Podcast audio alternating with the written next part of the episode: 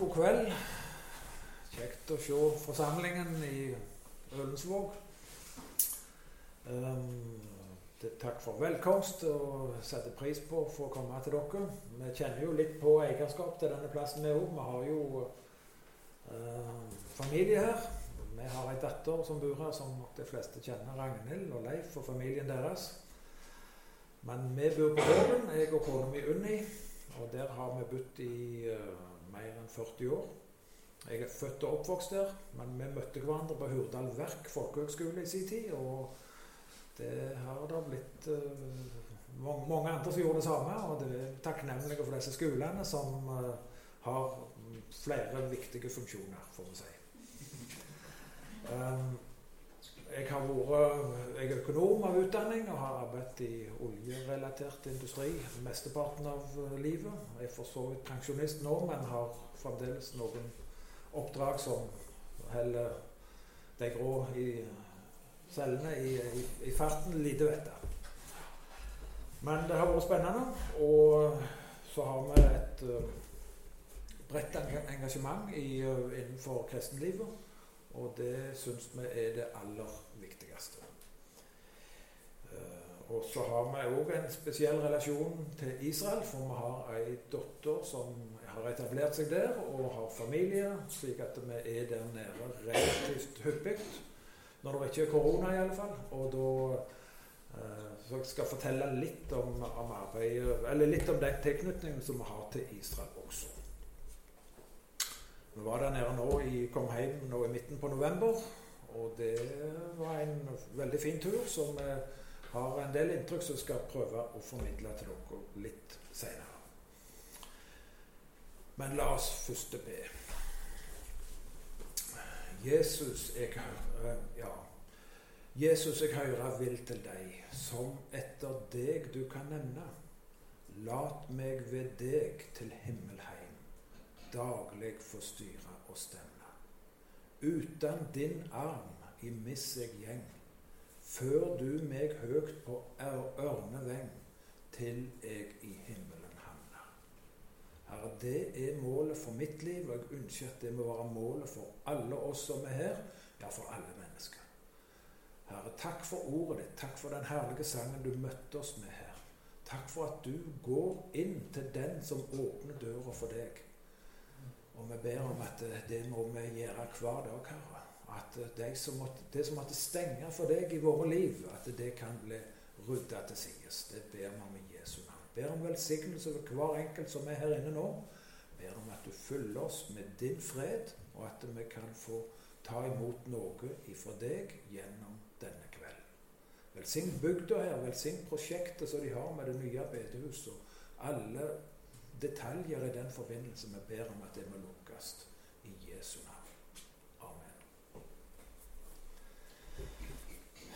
Ja, jeg har tenkt litt øh, Kanskje det var litt misforståelser her, eller jeg ikke uttrykte meg klart nok. Men har tenkt å snakke litt om det som er dagens tekst, eller egentlig dagens tekster. Det er kanskje en tendens øh, nå for tida at vi i, i, del av våre sammenhenger iallfall at det er litt lite sitat ifra Bibelen, litt lite bibellesing. Mm, folk ber nesten i noen sammenhenger kanskje om unnskyldning for at ja, vi må ta med noe ekstra her når dere får ha meg unnskyldt omtrent. Det er ikke sånn. Det har rike løfter bare å sitere fra Bibelen.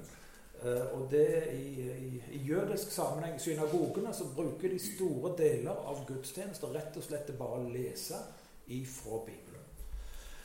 Uh, nå skal jeg lese faktisk alle de tre tekstene som, uh, som gjelder denne dagen. Uh, det gjør jeg med stor frimodighet, fordi at jeg tror at ordet er levende og kraftig slik som det står. Da skal vi først lese Jesaja 35. Hele kapittelet. Det er bare ti vers, og det er ikke alle hans. Øyemerk og aud land skal glede seg. Villmarka skal juble og bløme som ei lilje. Hun skal bløme og juble, ja, juble og synge av, fred, og fryd. Libanons herligdom har hun fått, prydnaden fra Karmel og Saron. De skal sjå Herrens herligdom, vår Guds prydnad. Styrk de kraftløse hendene, og gjør de ustø kne sterke. Si til de urolige hjarta, vær frimodige, ottast ikke. Sjå, der er dykka Gud. Hemnen kjem, attergjeld fra Gud. Han kjem sjølv og frelser dykk. Da skal auga til de blinde åpnast, og øyro til de døve latast opp. Da skal den lamme springe som en hjort, og tunga til den målløse skal juble. For kjeller bryt fram i øyemarka, og bekker i tørre heier. Det gloende sandhavet skal verte til en sjø, det tørste landet til vassrike kjelder.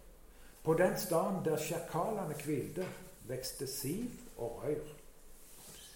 Der skal være en jevna veg, og han skal kalles den hellige vegen.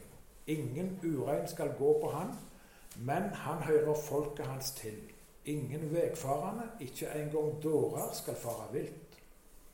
Der skal ikke være noen løve, ikke noe rovdyr skal komme opp på han. De skal ikke finnes der, men de utløste skal færes der. Herrens utløste skal vende attende og komme til Sion med frydesang. Evig glede er det over hovedet deres Fryd og glede skal de nå, sorg og sukk skal rømme. Det er et fantastisk kapittel om det kommende fredsriket som skal fjerne all elendighet fra denne kloden, og det skal bli et totalt ny tid. Messianske tider, må en kunne kalle det. Så er det i 1. Eh, Korinterbrev 3 18-23. Lat ingen dåre seg sjøl. Om noen av dere regner seg å være vis i denne verden, lat han da verte en dåre, så han kan verte vis. For visdommen mot denne verden er dårskap for Gud. Det står skrevet han fanger de kloke i dere kløkt. Og en annen stad Herren kjenner tankene til de vise og veit at de er tomme. Lat derfor ingen rose seg av mennesker, for alt hører dukk til. Enten det er Paulus eller Apollos eller Kefas, enten det er vera eller liv eller død, enten det er det som nå er, eller det som komme skal. Alt hører dukk til. Men det hører Kristus til, og Kristus hører Gud til. Og så skal vi ta det som er teksten for i dag, og det er i Matteus kapittel 11 vers 2 til 11.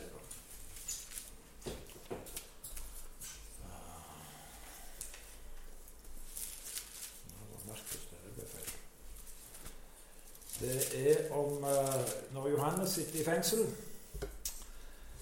Da står det for Jesu navn. Og da Johannes i fengselet fikk høre om gjerningene åt Messias, sendte han båd med læresveinene sine og spurte han, er du den som skal komme, eller skal vi vente en annen?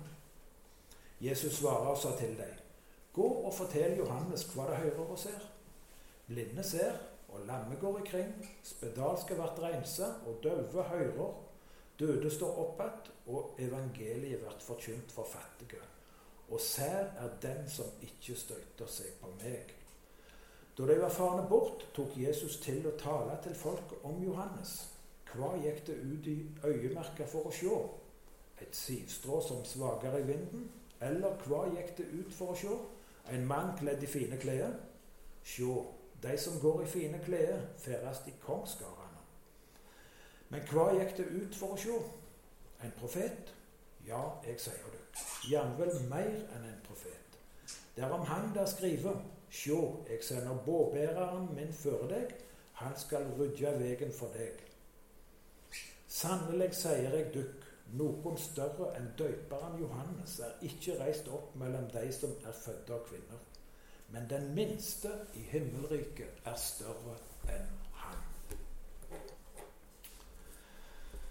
Dette avsnittet i Matteus står jo i en uh, gitt sammenheng. Jesus har nettopp sendt ut uh, disiplene.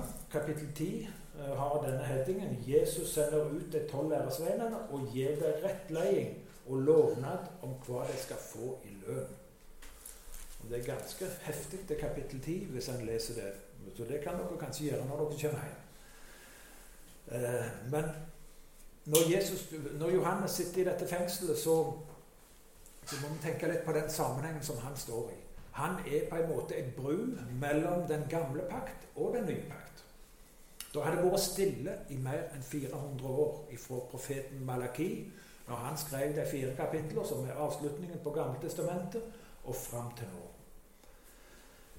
Og Mange lurte jo på om Gud hadde glemt sine løfter til sitt folk. Det var ei tung tid. De var okkupert, og det var uh, mismot og mye trist som hendte. Men den nye tid den, den, begynte egentlig ikke med Jesus' fødsel, men den begynte med Johannes' fødsel. Johannes døperen.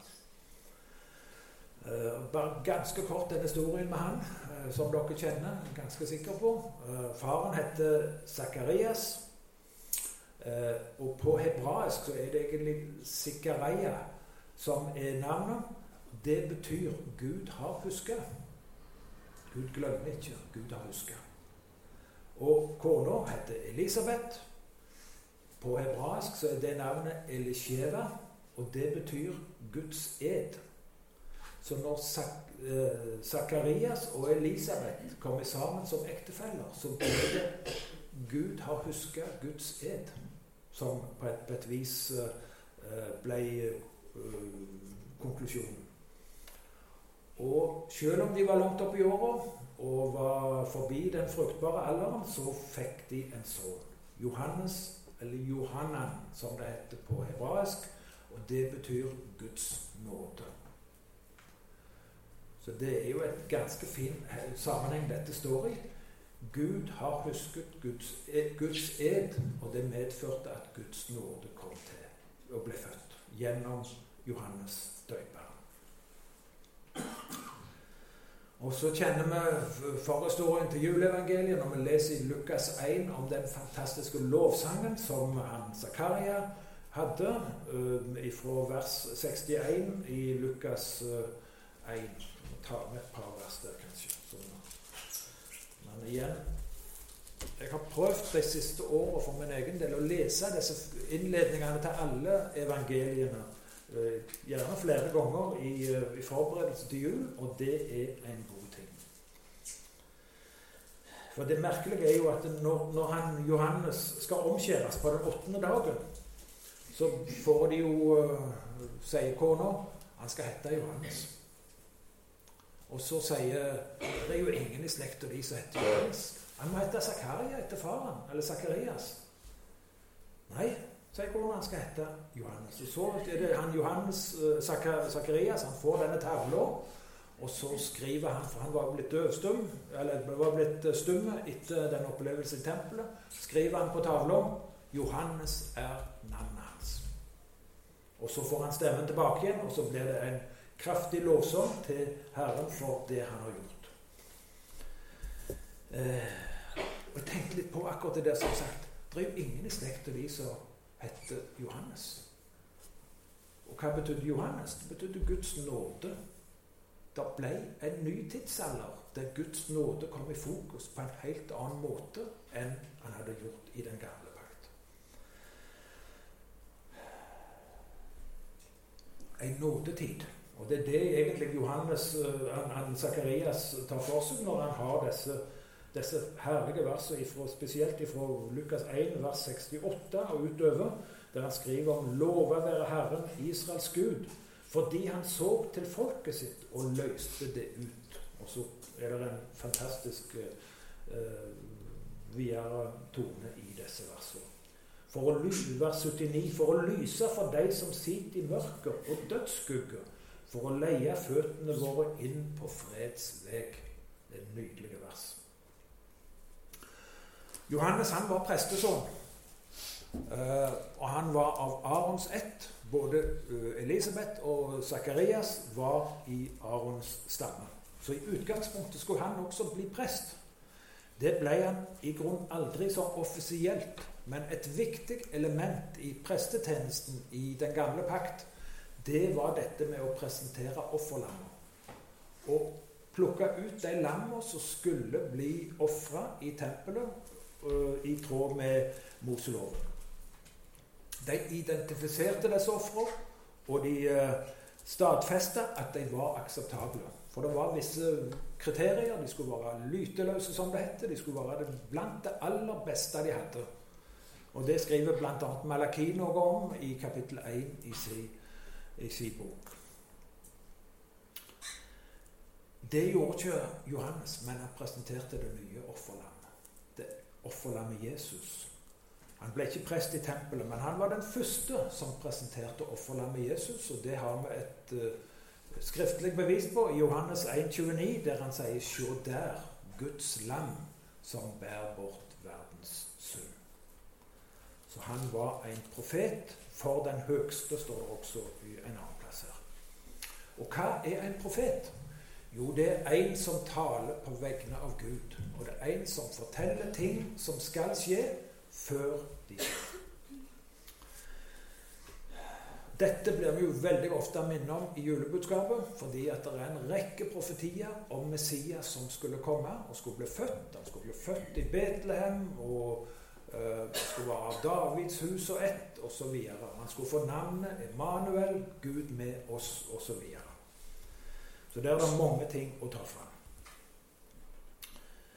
Men så sier faktisk Jesus i denne teksten vi hadde framme her i Matteus uh, kapittel 10, at Johannes han var større enn profeten.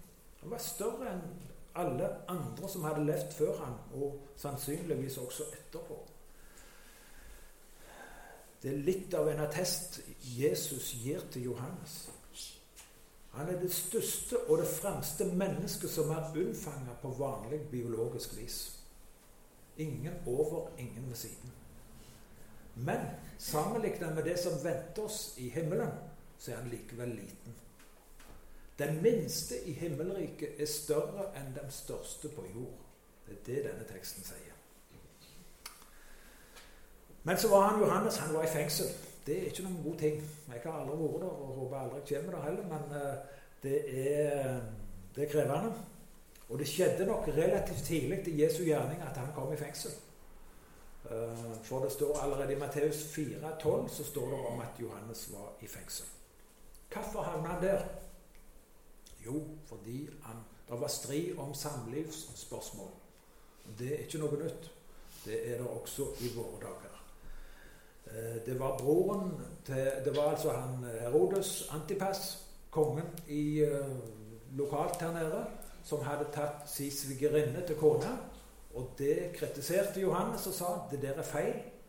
Du har ikke rett på, til å ha henne til kone. Da ble hun svigerinne som ble den nye kona til Herodes Antipas, hun ble sint og fornærma og, og, og, sa til kongen Herodes du må putte han Johannes i fengsel. Så ble han sittende der. Sannsynligvis lå det fengselet på østsida av Dødehavet, altså det som er dagens Jordan. Men Johannes han var en sann profet. Han var tru imot sanninga sjøl om det kosta. Ja, til og med kosta han livet. For denne ungjenta som uh, var uh, dattera til svigerinna til, til Herodes Hun dansa for dem i et selskap, og det gjorde et voldsomt inntrykk på han Herodes. Og han uh, sa det du skal få hva som helst. Til og med halve kongeriket. Det var jo et ganske godt tilbud til ei ung jente. Men så gikk hun til mor og spurte hva skal jeg gjøre. Så sier mora du skal be om hodet til Johannes på et fat. Så hodet til Johannes på et fat var mer verdifullt for mora enn halve kongeriket. Så stort var hatet til Johannes. Den hovedteksten som vi har, det skjer altså før dette. Uh, uh, for uh, for det, det, altså, Johannes var jo levende akkurat her da. Men han fikk likevel besøk. For det står at disiplene til Johannes kom i fengsel og fortalte om Jesu gjerninger. Det er det det står. Likevel så stiller Johannes dette spørsmålet. Er du den som skal komme, eller skal vi vente en annen? Og De lærde spekulerer litt. Hvorfor stilte Johannes dette spørsmålet? Han som pekte på Jesus og sa 'Se, det er Guds lam'. Og det er litt ulike syn på dette. Noen mener at det kanskje mest sannsynlige er at det var egentlig disiplene til Johannes som stilte dette spørsmålet. Men det spiller mindre rolle. Kan også ta med som en digresjon at i ungdommen så abonnerte jeg på et tidsskrift som heter Det Beste. Kanskje noen av eldre garde husker det. Det har sikkert gått inn for mange år siden. Der sto det forskjellige uh, ja, små notiser og litt sånt. Blant annet så sto det om en tømmermann i Amerika som hadde ganske mye oppdrag. Og så fikk han en dag en hilsen fra en av disse som han hadde fått et oppdrag ifra. Det drog ut før han kom. Og han, kjære broder, jeg hilser deg med Matteus 11, vers 3. Der står det altså dette. Er du den som skal komme, eller skal vi vente en annen? Det drog ut fra. Så kanskje noen hver har, kan helse sin håndverker med akkurat dette her. Men på et vis så kan vi forstå Johannes, for han hadde jo sett og hørt om hva Jesus gjorde når han sto fram f.eks. i synagoga i Nasaret og leste fra Jesaja 61 om at han er kommet for å sette fanger i fridom. Og Så legger Jesus ifra seg Jesaja-boka, og så sier han dette. I dag har dette ordet blitt oppfylt for øynene deres og ørene deres. Men uh, Jesus ble jo, ble jo avvist pga. Av dette, og dette står det om i Lukas 4. Men det står enormt mange løfter om den som skal komme, som Johannes Gamle Gammeltestamentet er fullt av løfter om ham. Bl.a. i Esekiel 36, der det står om disse som skal få bytte ut sine steinhjerter med et kjøtt, kjøtthjerte, og det skal bli totalt nye tider. En ny ånd og et nytt hjerte. Og så var det nok sikkert en del misforståelser. Noen trodde at det var en politisk uh, rike, et uh, jordisk rike Jesus skulle bygge, men han var jo veldig klar på dette. Det er et Guds rike. Mitt rike er ikke av denne verden. Som han understreka gang på gang. Han ville ikke være noen jordisk konge, og han ga avkall på det hver gang de prøvde å gjøre han så kan det kanskje være du eller jeg også som av og til stiller dette spørsmålet til Jesus. Når det er vanskelige, krevende ting i våre liv, så kan det være vi lurer på Stemmer det? Er han virkelig den som han gir seg ut for å være? Og Jeg har hørt om folk som uh, sier som så når Gud tillot at det og det skjedde, så kan jeg i grunnen ikke tro på ham. Og det der er religionsfrihet, så folk får velge. Men Gud vil oss det aller beste, hver eneste en av oss. Og det som de synger i en gammel sang, sang at disse her, det som du så på som forfølgelser og problemer og vanskeligheter, det var egentlig bare velsignelser. Fordi Herren har som mål å bringe oss alle hjem til seg en dag.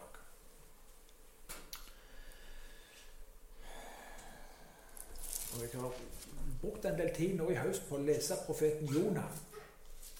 Det er en spennende profet. Han blir lest hvert år i, i synagogen i Israel i forbindelse med Yom Kippur, den store forsoningsdagen. Uh, og Jonah han, han, ble jo sendt til Ninive for å forkynne et domsbudskap mot byen. Men domsbudskapet som han forkynte, førte til eh, vekkelse, omvendelse og totalt omsnunad av, av, det fryktelige livet som ble levd i den byen. Han skulle jo tro at det ville være en Det må jo være et dream case for en predikant å få oppleve at ja, budskapet når inn. De tar imot det. De omvender seg. Men han ble egentlig, det var akkurat det motsatte som skjedde. Han ble fornærma. Han ble sint. Og så stiller Gud han to ganger et spørsmål i kapittel fire. Er det med rette du er så harm, Jonah? Det er faktisk et veldig godt spørsmål, og aktuelt i den tida vi lever i nå. Er, jeg, jeg, dømmer ikke noen, men bare, vi lever i en tid der folk blir krenka, og det er vanskeligheter, og en tar seg sjøl kanskje vel høytidelig i noen sammenhenger. Er det med rette du er så harm, Jon Olav, eller du som sitter i forsamlingen her? Det kan man godt tenke litt over hver eneste en. Det fine med Johannes, det var dette. Han gikk til Jesus med sin tvil. Han visste hvor han skulle gå hen. Han gikk ikke til naboen og sa at dette her, nei, jeg har ikke noe tro på det. Han gikk til Jesus, og han fikk et veldig klart svar. Jeg ser at tida den går, men um, jeg må si litt om jødene. for de, vet, Dere leser sikkert dagen her. Det var et intervju med han Joel Melkjord her på fredag. Der han, eh, han, er rabbiner i den uh, jødiske synagogen i Oslo. Og det er ofte snakk eller fokus på jødene i forbindelse med denne teksten. For de anerkjenner jo ikke Jesus som Messias. Og der sier jo han Melkjord at vi venter ikke på Messias i det hele tatt. Vi venter mer på de messianske tidene, sier han. Og Det var et lignende intervju med Ervin Kohn, som er forstander for uh, den jødiske synagogen i Oslo i 2016 i dagen. Og jeg bare saksa litt ifra det som han sier. Og Han sier noe sånn som at det har vært 50 falske Messiaser opp gjennom historien, og de regner også Jesus som en av disse. Uh, og Korn han er ikke opptatt av å vente på Messias. Overhodet ikke, sier han. Det er ikke del av vår religiøse praksis.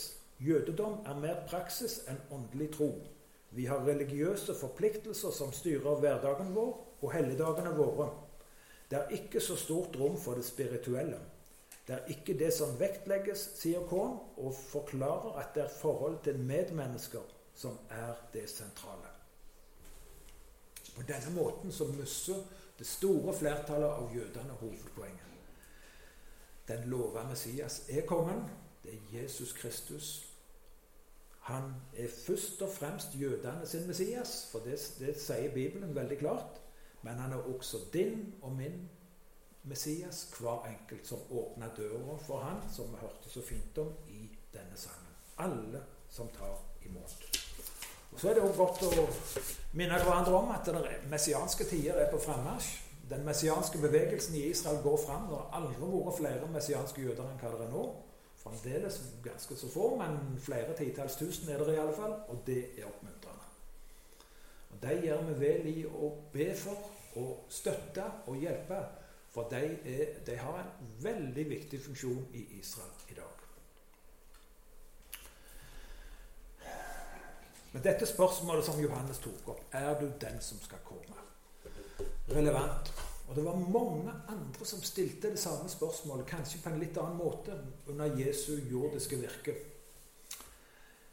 Eh, Jesus stilte det sjøl òg, faktisk. Hvem sier folk at menneskesonen er? står det i Johannes 6.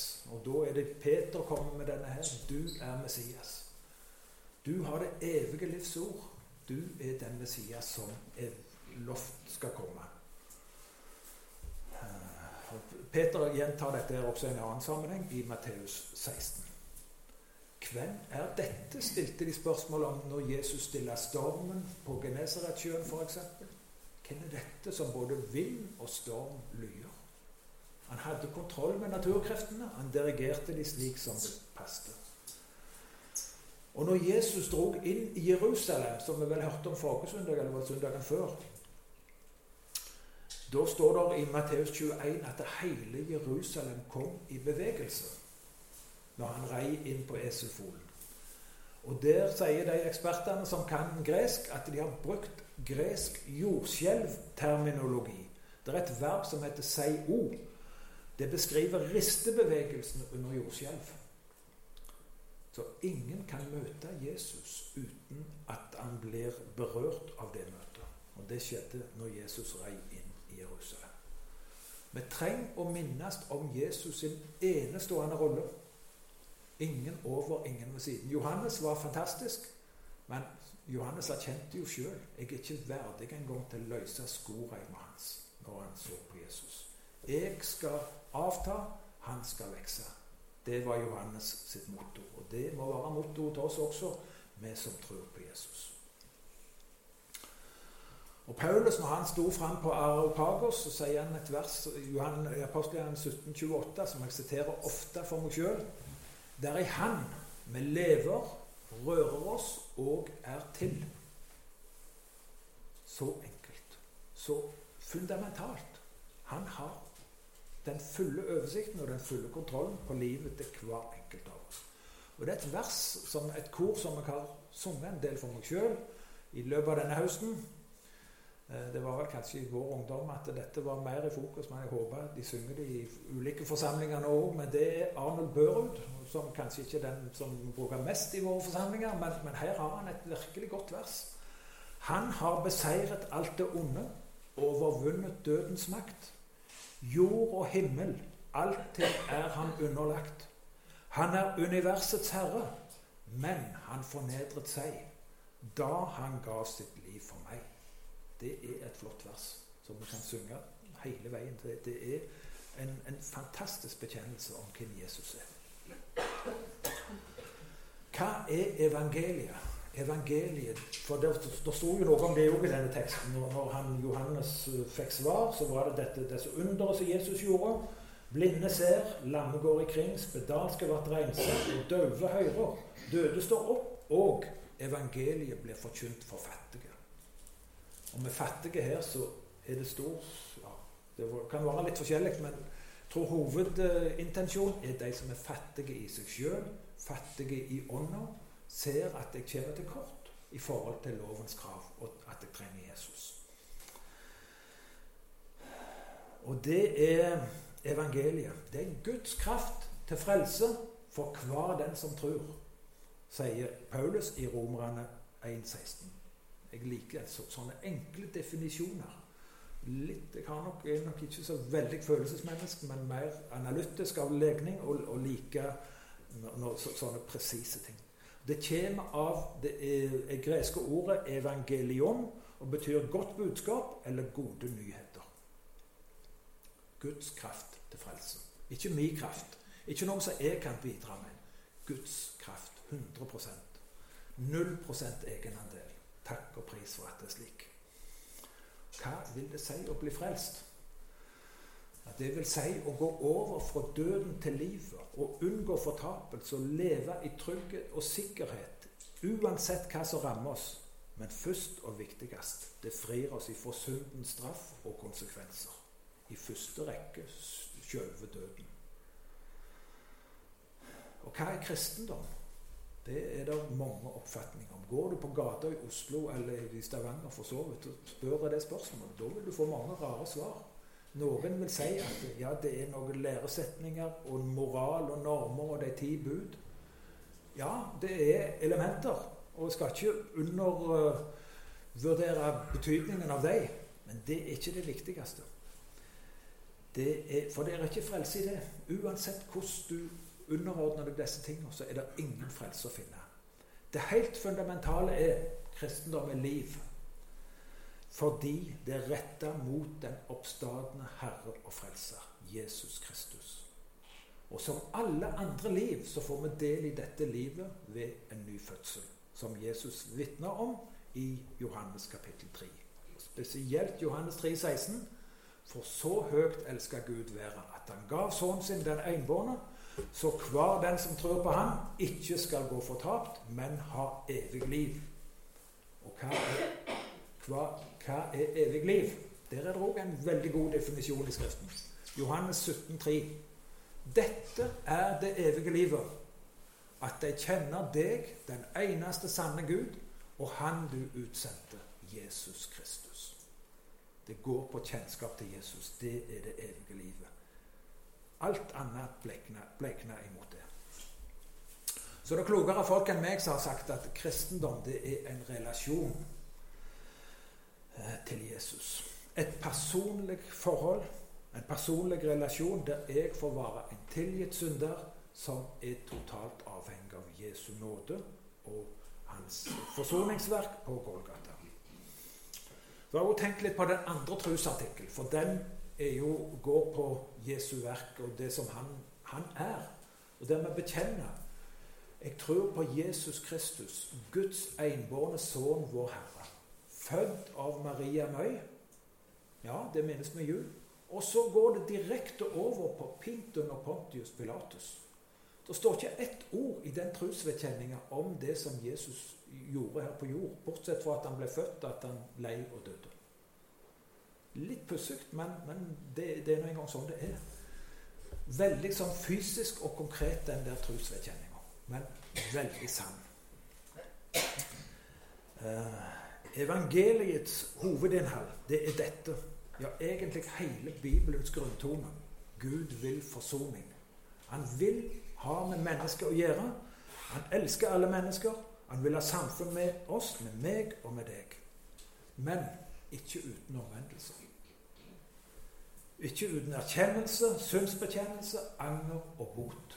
Det er ressurser inn i kristenlivet til den enkelte av oss. På dette viset så beveger han oss ifra en fase der vi har syndenød, frelsesfryd og tjeneste for Han. Det er hovedfasene for mange av oss. Og en som, uh, som har uh, opplevd dette på en veldig sentral måte, det er Egil Grandhagen. Jeg antar at uh, mange i denne forsamlingen kjente han. og han, Det er kommet en bok om han nå som jeg på det sterkeste vil anbefale. Jeg har begynt å lese alle tidene. En veldig god bok som dere bør få tak i og lese. Og Nå må dere mindre òg høre her, for nå skal jeg fortelle en liten stubbe som står i den boka. Om Egil Grandhagen. Han døde i fjor. Eller var det i år? Ja, det var ja. Mm. Eh, det var i fjor. Han skriver det. Jeg må ha vært fem-seks år gammel. Og vi bodde i en militærleir på Ringerike, Hvalsmoen. Faren han var i Forsvaret. Han jobbet som, som yrkesmilitær.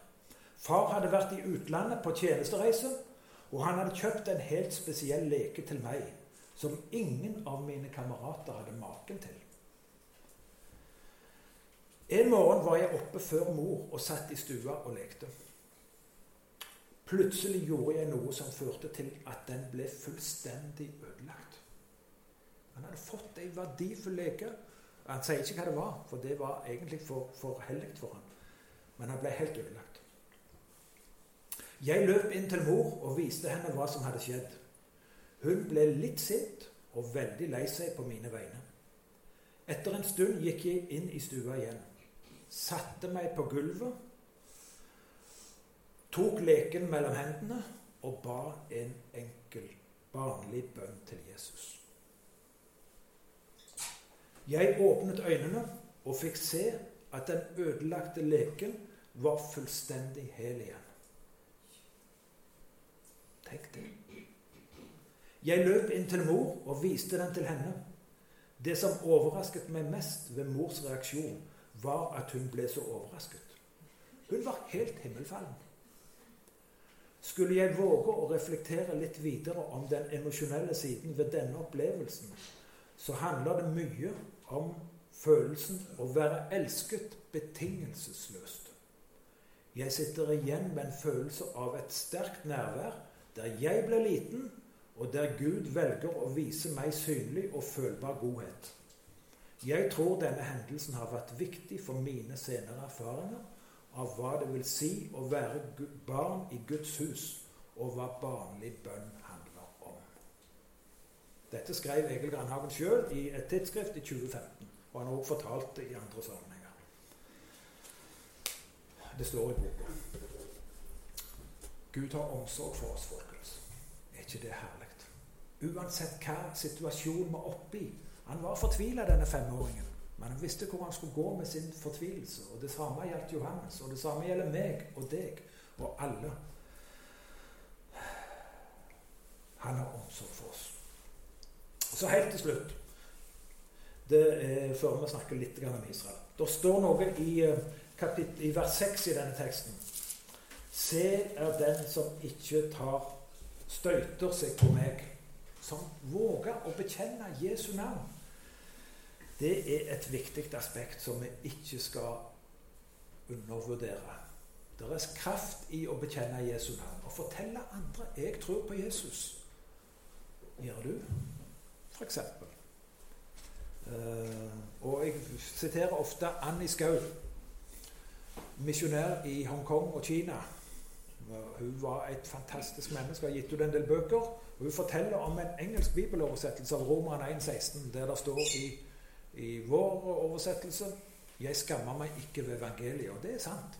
Men hun sier i min oversettelse står det 'Jeg er stolt av evangeliet'. Mye mer positivt, offensivt. Stolt av evangeliet. Det er i, i, I, våre dager så er det en tendens til at troslivet skal privatiseres. Ja, du må gjerne tro på Jesus, men ikke si det til noen. Det, det blir så feil. Og det er så i strid med det som Skriften sier. Paulus han sier den som tror på han, han skal ikke lenger leve for seg sjøl, men han skal leve for han som lei og døde og sto opp igjen for, oss. Så stå på for evangeliet. Kast ikke bort frimodigheten. Og se på Jesus. Det er det viktige. Så har jeg bare lyst til å sitere et sangvers eh, til slutt her, før vi snakker bitte litt om Israel. Eh, det er sangboka 477 vers 3. Et vers som jeg er veldig, veldig glad i. For det setter fokus.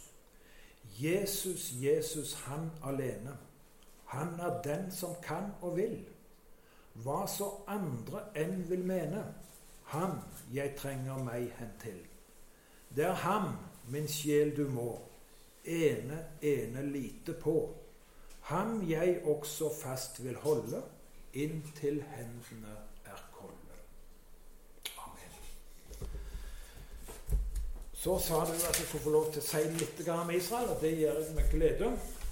Uh, vi har uh, relasjoner til Israel på flere plan.